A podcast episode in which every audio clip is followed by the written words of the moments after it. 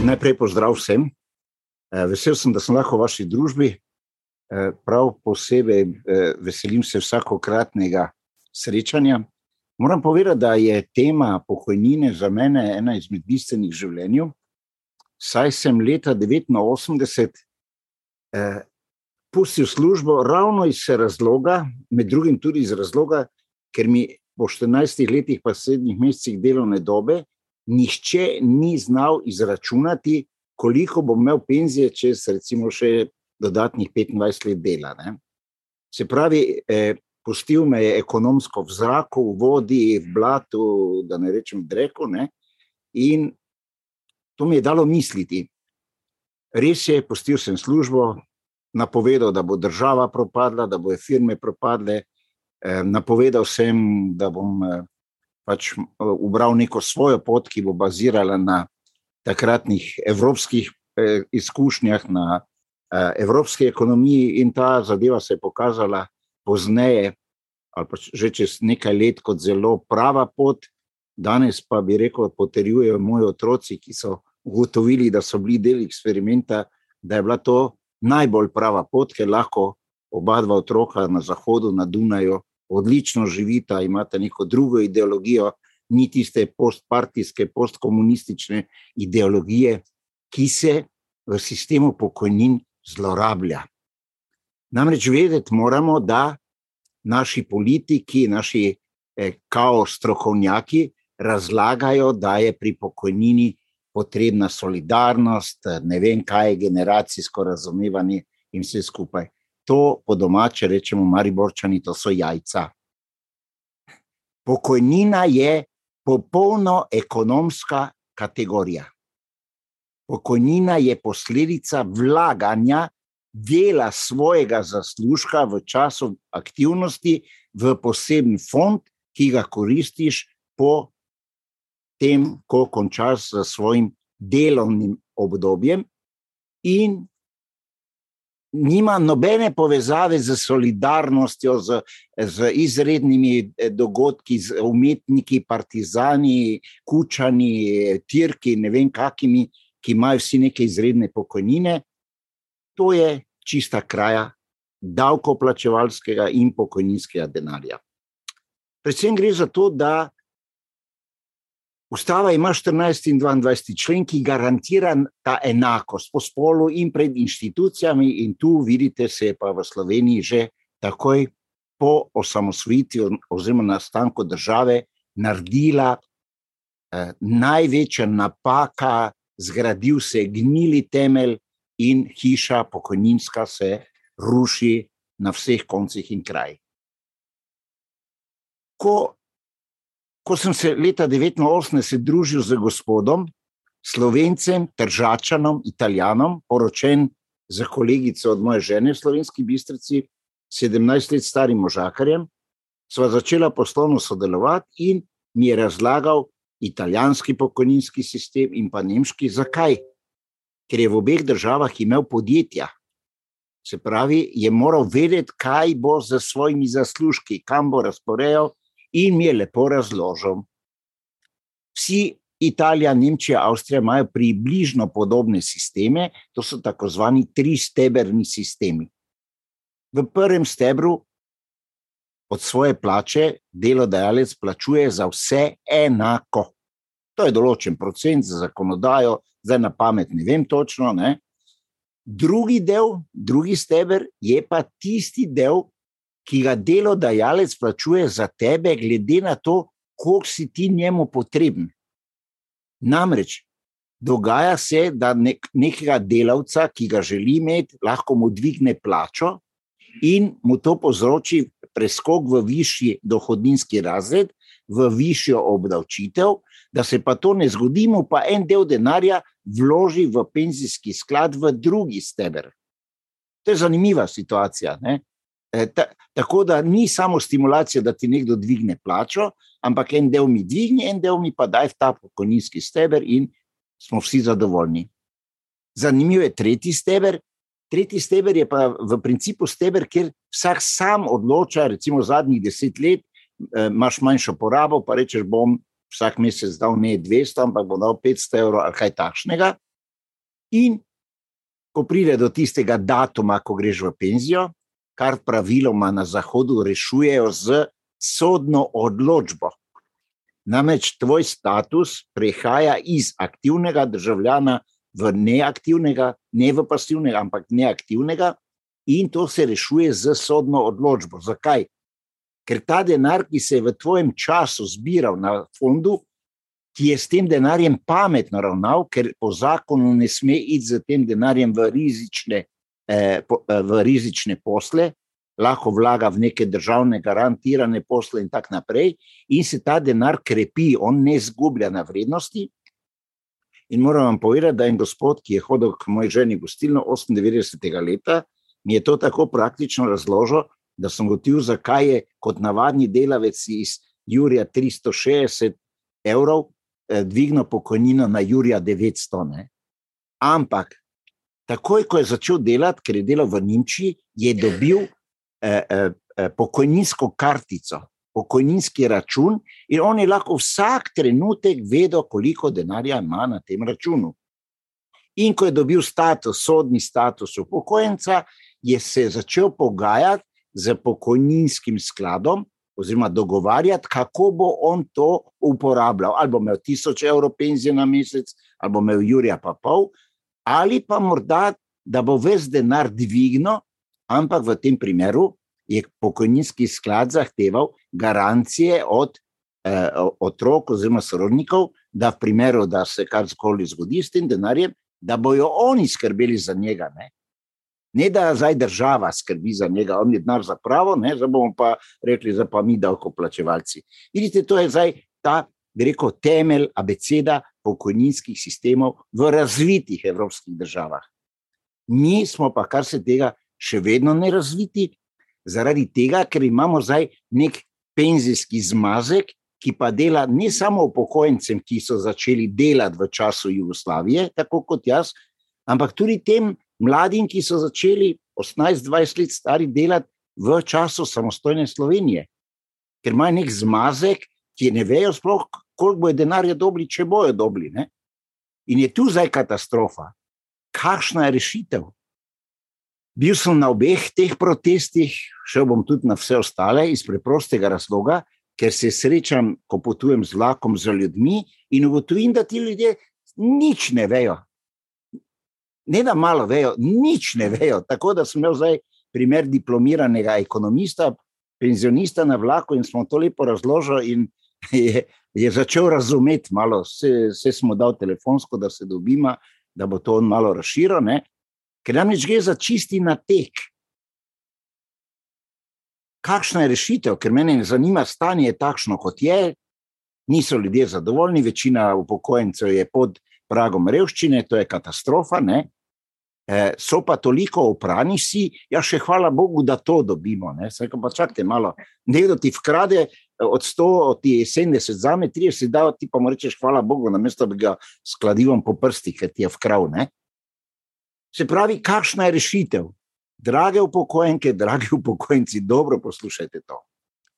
Rešitev je sledeča: da se kdorkoli je začel delati v Jugoslaviji, da se mu dodeli polna pokojnina, glede na tista leta, ki so bila na dan začetka dela obvezna.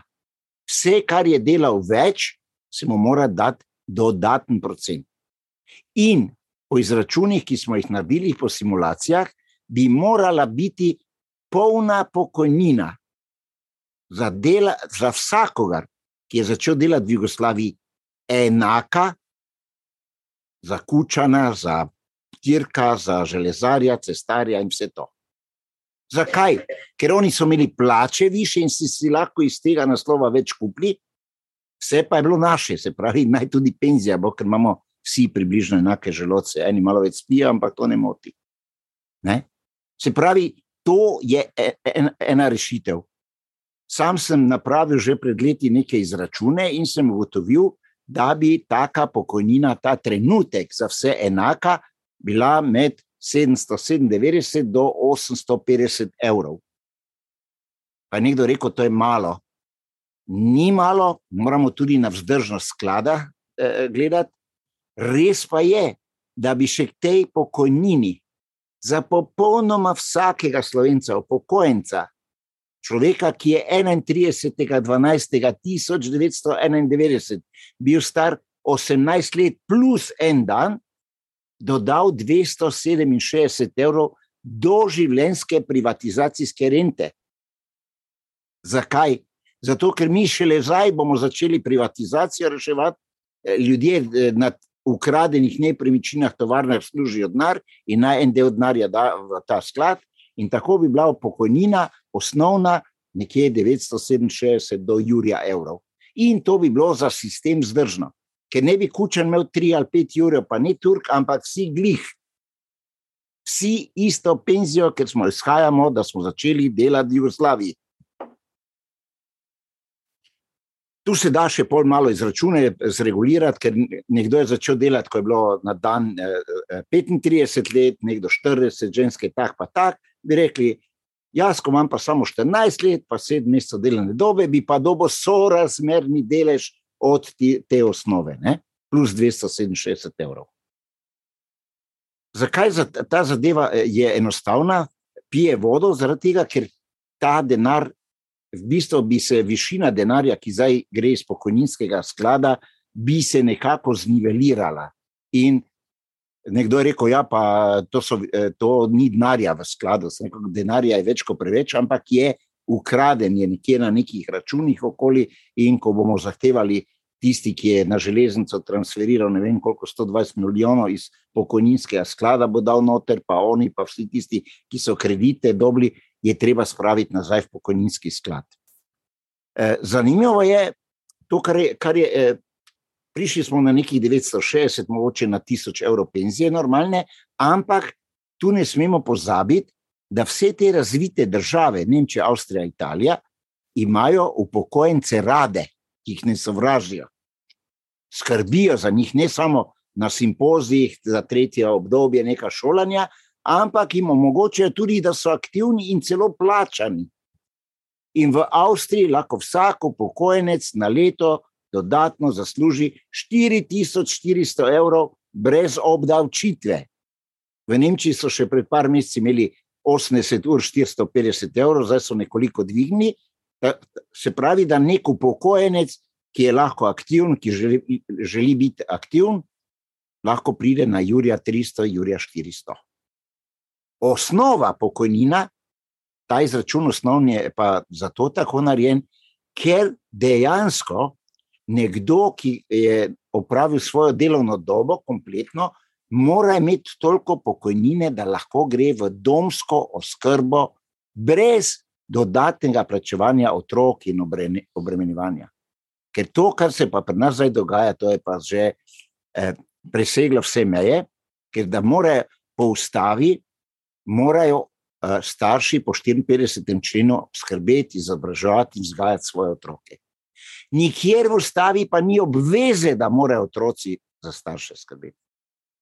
Nikjer. In vidite, ta lopovska država, pa še otrokom, ki komaj začnejo živeti, obesi gor breme za starše, in to je nepojmljivo, nerazumno, noro, eh, fašistično, nacistično, ne vem kaj vse. In jaz zdaj rešujem primere, ko so nekoga imeli v domu, ker je imel za 40 let premalo penzijo in so mu hteli kmetijo vzeti, in hvala Bogu, sem rešil, ker eh, oskrbnina v domu, je, eh, doplačilo je socialni transfer, ne pa kreditni aranžma, da bi lahko tebi hišo ali pa stanovanje pobirali. In tega je toliko ljudi, da ko bomo zdaj začeli vlagati odškodnine, to so deset tisoč, sto tisoč hiš, stanovanj, kmetije, šlo k vragu zaradi tega.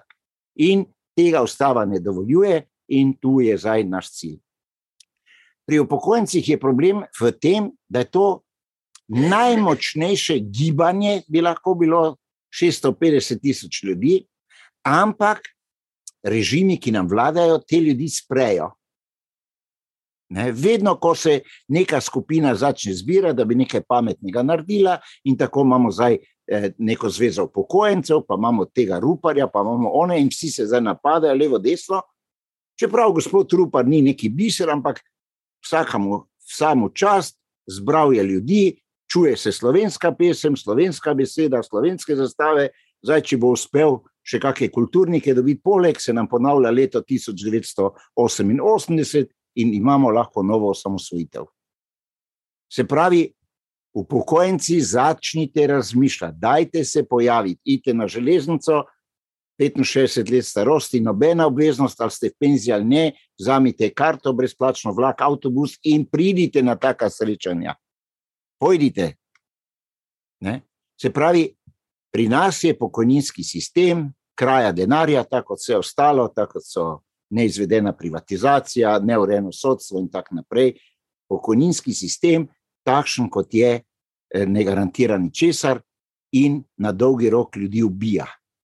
Zaradi tega predlagam, da podpirate ljudi, ki razmišljajo drugače. Vprašajte vašo žlahto, sorodnike, ki so delali v Avstriji, v Nemčiji, Italiji, naj vam povejo, kako je njihova dobra penzija nastala. Ker vam moram povedati, da življenju imam dosti ljudi, ker sem to star, ki so bili gastarbajteri in od njih nikoli nisem slišal, da imajo slabo plačo ali pa da bi kdo rekel, da ima slabo pokojnino. Še nisem slišal. Zato, ker je vedel, kako sistem pripravi, in mi moramo to od režima zahtevati, zgleda, na to, glede na to, kako se to dogaja, da bomo pa morali res politično nastopiti eh, in to se spremeniti. Preden zaključim, moram povedati, da sem najbolj srečen, da sem ta sistem v svoji družini da so otroci v tujini, v Avstriji, celo črka in možta kupla stanovanje, sredi Dunaja pri 40 letih, 93 kvadratov za 430 evrov. Je rekel, to je pa ceneje kot v Ljubljani, se rekel, ja, ker gori nimajo partije, nimajo kučana, nimajo tirka in podobnih tičev. Ne? Ne? In da oba dva lepo vplačujete v avstrijske sklade, da njuna, njuna prihodnost, eh, prihodnost vnukov, vnukico eno imam, zdaj bo tri mesece stara, je drugačna, je že zdaj boljša kot karkoli. Želim, da je tudi vsem slovencem, slovenkam in prebivalcem Slovenije lepo, zato bo se treba boriti. Hvala. Jaz imam eno kratko vprašanje, preden greš, če imaš še toliko časa. Ja. Uh, namreč, uh, mi smo pred desetimi leti uh, tukaj, v, uh, tukaj v Sloveniji bili deležni ene firme, ki je delala tako imenovane pokojninske sklade uh mhm. -huh. in sicer preko Unike banke, uh mhm. -huh. kjer uh, so nas, seveda, smo se proti plačilu udeleževali srečanj, kjer so nas učili, da, je, da so tako imenovane te pokojninske škarje. Ker je mladih vedno manj, starejših vedno več, in kako bi bilo dobro, da se po 50 evrov na konto počasi lepo to zbira, zbira, zbira. Ampak kaj, ko se je potem zgodila tista kriza, in vse denar dobesedno zginil. Tako da potem od tega, kar je ostalo, so ostale samo, eh, samo še tožbe ljudi, ki so to že varčevali. Ne? Kako je možno, da ko ti nekam daš in pride kriza, da si banka vzame pravico ali pa država si vzame pravico, da ta denar samovoljno uporabi za nekaj drugega? Ja, že iz predhodnih mojih besed je bilo povedano, da eh, to, kar se pri nas dogaja, je rop. Ne? In zdaj pri slovencih je ena težava, ker nimamo nobene, bi rekel, nismo šolani, da bi preden se česar koli lotimo, zadevo preverili. Ne samo doma, tudi kako v tujini špila tam in eh, padamo na take štose. Nobenih škari, ni, pa nobenih poperes, to je larifari.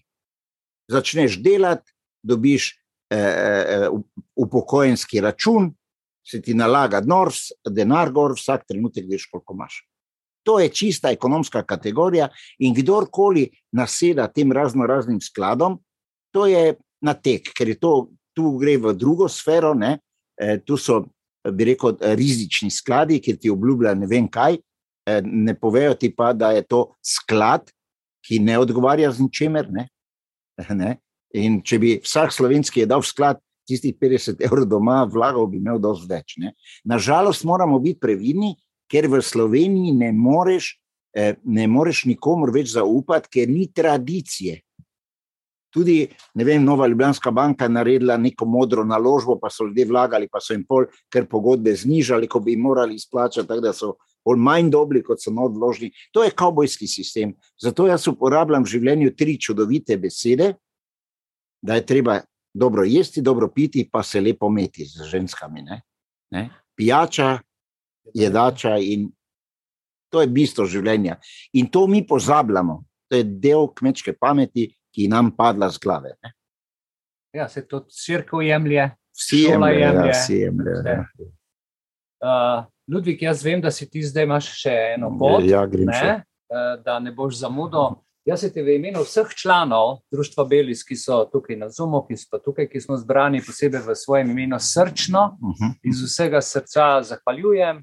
In če imaš še kakšen stavek za Ja, naše člane? Za zaključek bi Ja. samo povedal uh, upokojencem in vsem, naj si dobro pogledajo, kdo je 4. decembra 2012 sprejel zakon z lopovskimi odmernimi odstotki. Samo to naj pogleda in bo videl, kdo, katera politična opcija, katera politika ga je ukradla. Da bojo vedeli, kdo je tisti. Hvala, lep večer vsem.